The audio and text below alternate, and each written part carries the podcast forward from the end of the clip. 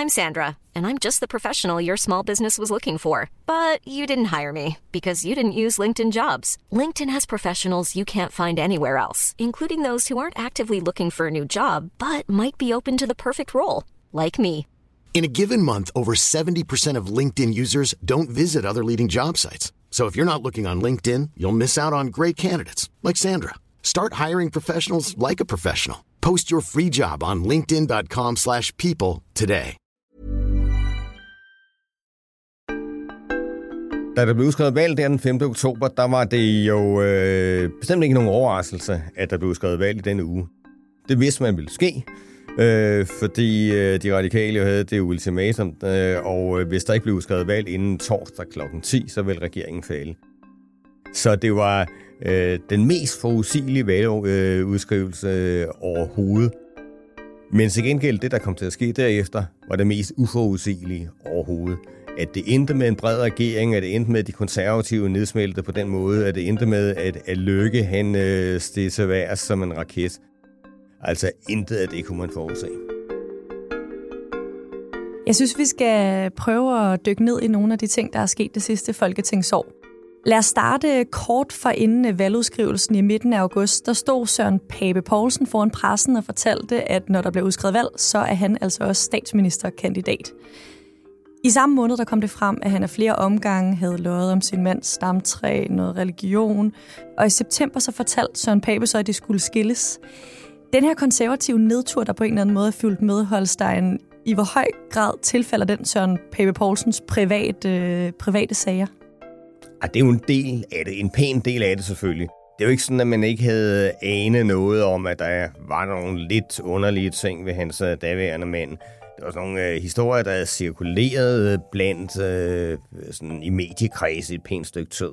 Men der er øh, de danske medier jo egentlig generelt ret pæne, altså man holder sig øh, tilbage med at skrive den slags historie, men man kommer også op på et andet niveau i det øjeblik, man øh, erklærer sig som statsministerkandidat. Så bliver man jo virkelig øh, set igennem med øh, en tættekam, ikke? Øh, og øh, derfor er det meget naturligt, at lige præcis der, jamen, der begyndte de der sager så at eksplodere. Og det fik jo hurtigt sådan et, et, et bizart præg, altså, øh, altså nogle, nogle helt mærkelige ting, simpelthen, som øh, hans mand havde lovet om. Og det er klart, det skadede Søren Papes øh, troværdighed, fordi man synes, okay, han var godt nok have været naiv øh, i en række situationer. Så det var ligesom sådan et, et øh, hans karakter, der lavede lidt skade på baggrund af de sager. Og så dertil så kommer så, at de, at de konservative også på det politiske plan øh, havde begået nogle... Øh, strategiske fejltagelser, vil jeg mene, i forhold til den valgkamp. De havde lagt så meget, meget yderligt blandet med en meget højorienteret skatteplan, øh, som lå så langt til højre, at Venstre blev nødt til at tage afstand fra den. Så der var sådan nogle, øh, en cocktail af nogle politiske og nogle personlige ting, der smeltede sammen, og gav altså den der enestående nedtur, som, som man øh, altså ikke har set magen til på så kort tid. Lars Løkke Rasmussens parti, det er jo kun øh, fire måneder gammelt, da valget det bliver udskrevet i oktober. Men Moderaterne klarer det virkelig godt under valgkampen. I lang tid efter valget er de også det regeringsparti, der står bedst i meningsmålingerne relativt til øh, deres størrelse. Hvordan kan Lars Løkke Rasmussen blive ved med at have så stor opbakning? Jeg synes, det mest overraskende var, at han scorede det valgresultat, han gjorde. Mm. Fordi øh, det er jo den modsatte historie af de konservative. Altså, altså da, da valgkampen blev skudt i gang, der var man jo i tvivl om, om Lykke med sikkerhed ved klare spærregrænsen. Han lå sådan lige over den i en række af målingerne. Øh, og så kommer han op ikke, og, og, og scorer et, et, et, et helt fantastisk valgresultat. Ikke?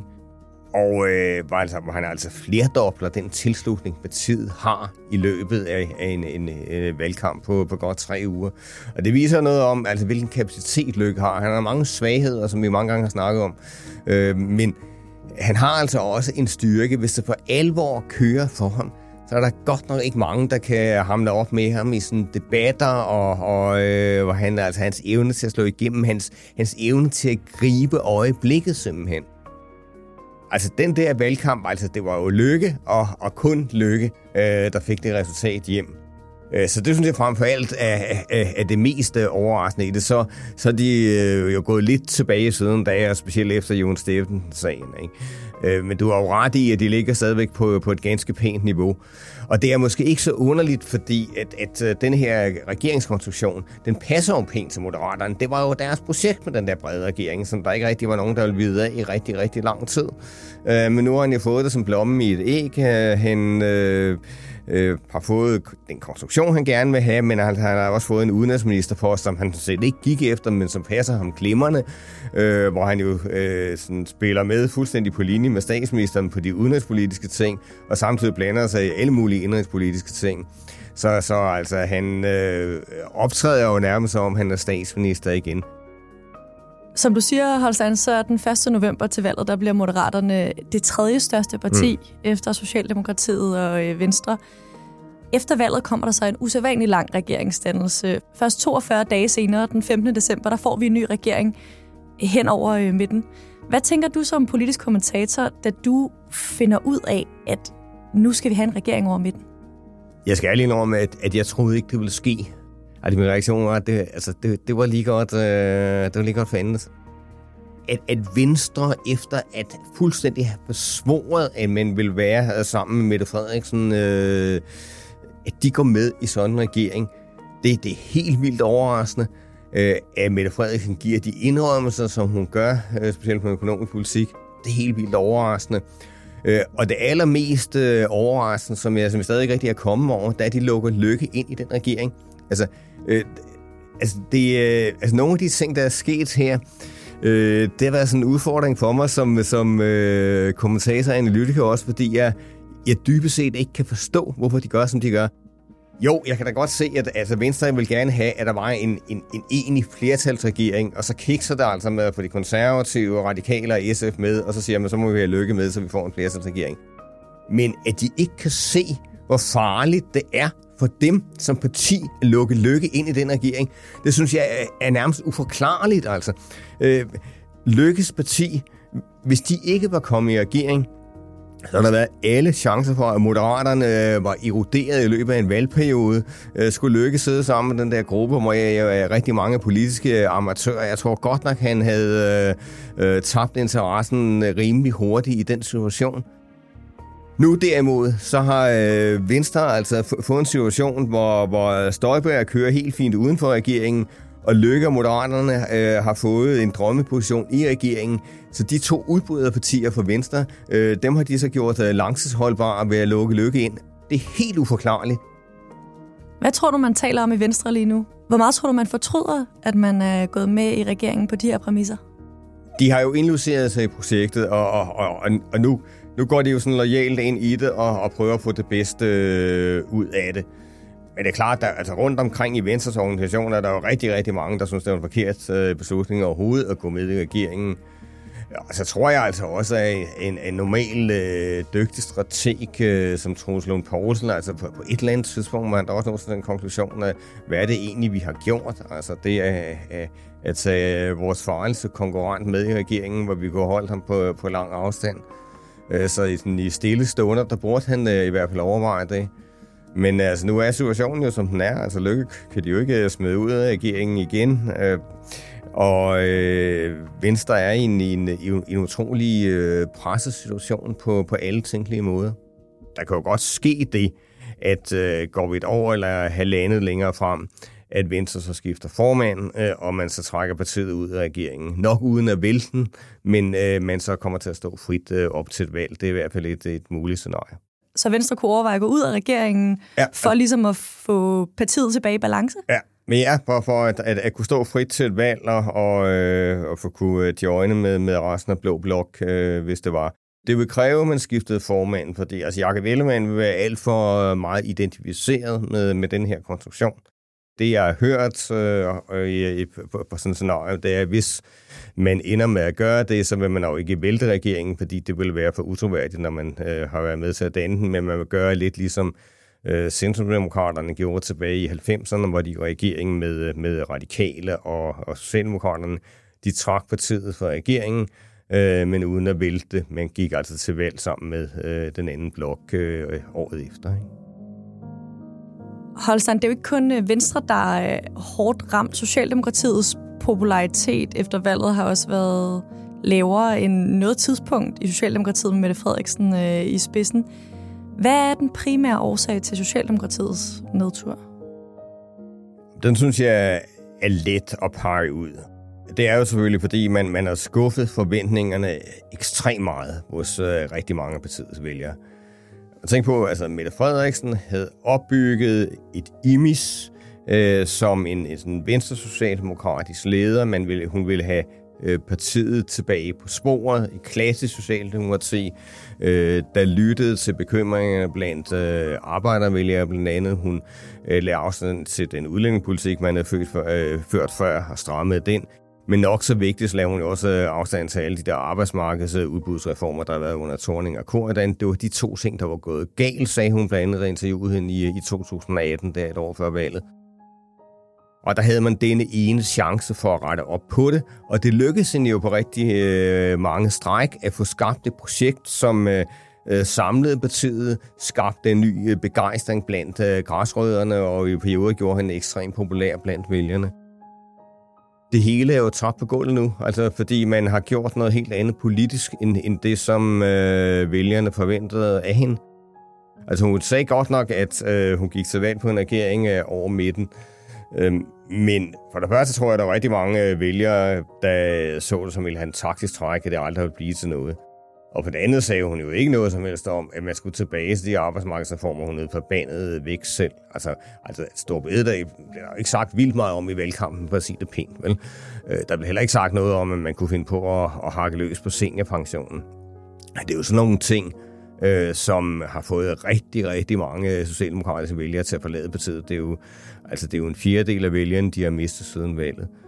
Øh, så det er jo en, en, en, en meget dramatisk situation, og også en, en, altså en situation, der trækker lange skygger. Det, der er sket det sidste halve år, altså det har jo øh, fået hendes egen fortælling til at ligge i ruiner. Nu er vi i juni måned og i slutningen af folketingsåret, og nu taler man ikke om andet end Mette Frederiksens øh, besøg hos Joe Biden, hendes muligheder for at blive generalsekretær i NATO. Nu har Joe Biden jo ifølge flere medier bedt Jens Stoltenberg om at blive siddende på posten. Men hvad betyder de her rygter, Mette Frederiksens interesse for en NATO-post for øh, dansk politik? Det har jo fået alle de øh, spøgelser, der har ligget rundt omkring i Socialdemokratiet, de har fået dem frem for skæben. Ikke? Kaffeklubberne er blevet øh, vagt til live. Og selvom du har ret i, at det nu øh, mest søder på, at Mette Frederiksen ikke får den der næsepost, øh, så er det ikke sådan, at, at, at det bare bliver lukket. Altså det kommer jo til at fortsætte, også fordi, at jamen, så kan det være, at, at, at hun måske får posten næste år, eller det kan være, at hun går efter posten som øh, øh, kommissionsformand i EU, eller noget helt tredje det der signal om, at det kan godt være, at hun faktisk forlader det der projekt, det er virkelig noget, som øh, har gjort øh, det rigtig meget mere usikkert. Det er hende, der jo personligt har ført partiet ind i den der konstruktion. Og så har man altså en situation, hvor, hvor øh, kaptajnen er, er reddet til at gå for bord og tage redningsbåden i en situation, hvor, hvor, hvor skibet sådan, øh, øh ligger øh, med, med røven i vandskåben ikke? Og, og, og måske fare på, øh, for at synke på længere sigt. Det er godt nok ikke noget, som, som gavner hendes øh, prestige internt i partiet. Hvad er det for nogle spøgelser og nogle modsætninger, der er kommet frem i lyset i Socialdemokratiet? Jamen, altså, man har jo de der øh, øh fire kaffeklubber. Nu er det jo blevet klart igen, at den der morgenmadsklub, som det hedder, som Morten Bødskov leder, det er øh, Folketingsgruppens største klub, og, og de ligger så på øh, en sådan højere socialdemokratisk linje. De er så kommet meget i modsætning til Peter Hummelgaards klub, øh, som ligger på sådan en venstre socialdemokratisk linje. Og, og derfor er der kommet sådan et, et, et internt spil, hvor for det første diskuterer man, jamen, hvem skal så være formand, hvis der er Mette Frederiksen forsvinder. Der er så to kandidater. Øh, den ene er så øh, Nikolaj Vammen, øh, der også har sin egen kaffeklub, og så er der så øh, Peter Hummelgaard som mulighed. Og det bliver jo så kringlet, øh, det der spil, en, en gang ekstra, fordi at øh, Hummelgaard og hans folk øh, så ned godt karakterisere Varmen som formand, men kun hvis Hummelgaard så øh, kommer ind i øh, en slags ledelsestue med om, så, så, så Hummelgaard bliver ny finansminister og, og en klar nummer to. Men hvis Varmen derimod allierer sig med Morten Bødskov og hans klub, jamen så kommer der så en, øh, en, en stor konflikt med Hummelbunk og Hummelgård-linjen, og det kan føre til et, et kampvalg om formandsposten. Og nu er der så blevet holdt øh, et, et, et møde, altså Mette Frederiksen har haft lederne af de fire karpeklubber. Siger, den sidste karpeklub ledes af Magnus Heunicke. Ikke? Hun har haft lederne af de fire øh, karpeklubber øh, til ja, kaffe eller et eller andet. Ikke? Og, og så har de så snakket om, at nu skulle der altså ro på det her. Og der har øh, hver af, af, af de fire kaffeklubformænd, de har så rejst sig op til, til et øh, seminar, der var en socialdemokratisk gruppe der sidste uge, og også bedt øh, deres øh, folk om at, at holde igen, eller være med at snakke meget i medierne og prøve at få, få ro på. Og det får man nok en smule øh, i en periode, men altså, der var altså øh, der er blevet sagt så mange øh, barske ting af hinanden, og fronterne er blevet markeret så klart, at uanset hvad, øh, så, så er det ikke sådan, at det bliver clean sheet igen. Altså, der vil, position, positionerne vil være der, man vil være opmærksom på, om de andre rykker, øh, og, og det her, det, det er blevet sat på pause, men det er bestemt ikke blevet aflyst. Holstein, nu har der jo været afslutningsdebat i Folketinget. Politikerne er så småt på vej på sommerferie. De har været på folkemøde. Hvad tror du især, vælgerne kommer til at huske det her folketingsår for? Det, der vil blive stående, det er den der regering over midten. Altså, når historiebøgerne skal skrive, så er det det, man hæfter sig med. Fordi det er så sjældent, den slags sker. Så tror jeg, man måske meget vil huske øh, det her år for, øh, for året, hvor man øh, nappede en helligdag. Altså, det er jo ikke sket i, hvad 200 år, 300 år. Her til allersidst, øh, Holstein, 1 million kroner spørgsmålet. Øh, om et år har vi så stadig den øh, SVM-regering, som vi har nu. Er Venstre stadigvæk med? Er det en anden formand end Mette Frederiksen? Er det en fra en af kaffeklubberne, der står i spidsen? Hvad tror du? At det mest sandsynlige er, at regeringen stadig sidder om et år. Altså, jeg gav den egentlig sådan to tre år. Det, det, det vil jeg stadig øh, indse som, øh, som realistisk. Jeg vil også mene, at det vil måske være lige lovligt tidligt for Venstre at, at trække sig. Altså, man skal gerne, øh, gerne kunne se ud som, man har givet projektet en chance. Men der er jo ikke noget, der er sikkert, vel? Hvis øh, jeg havde stået her for et år siden og skulle øh, forudse, øh, hvordan det ville gå de konservative, og, og hvilken type regering, der ville blive dannet osv det hele havde jo været forkert. Ikke? Altså, det, altså det, det, det er jo så labilt, at det er jo et, et, en mareridt at være kommentator i øjeblikket. Ikke? Men, men altså, mit bedste bud er, jeg tror, at regeringen stadigvæk sidder der. Øh, om Ellemann er formand? Tja, altså det er et åbent spørgsmål. Mette Frederiksen er formand? Det er også et åbent spørgsmål. Og det er jo så selv ret vildt, at man ikke øh, ved, om, om lederne af, af, af Folketingets øh, to største partier sidder der med over. Men det er faktisk næsten umuligt at sige. Tak fordi du kom og gav din bud i hvert fald. Det tak. Og også tak til dig, der lyttede med til Altinget Azure i dag. Det sætter vi stor pris på. Dagens podcast, den øh, producerede jeg, og jeg hedder Karoline Tranberg.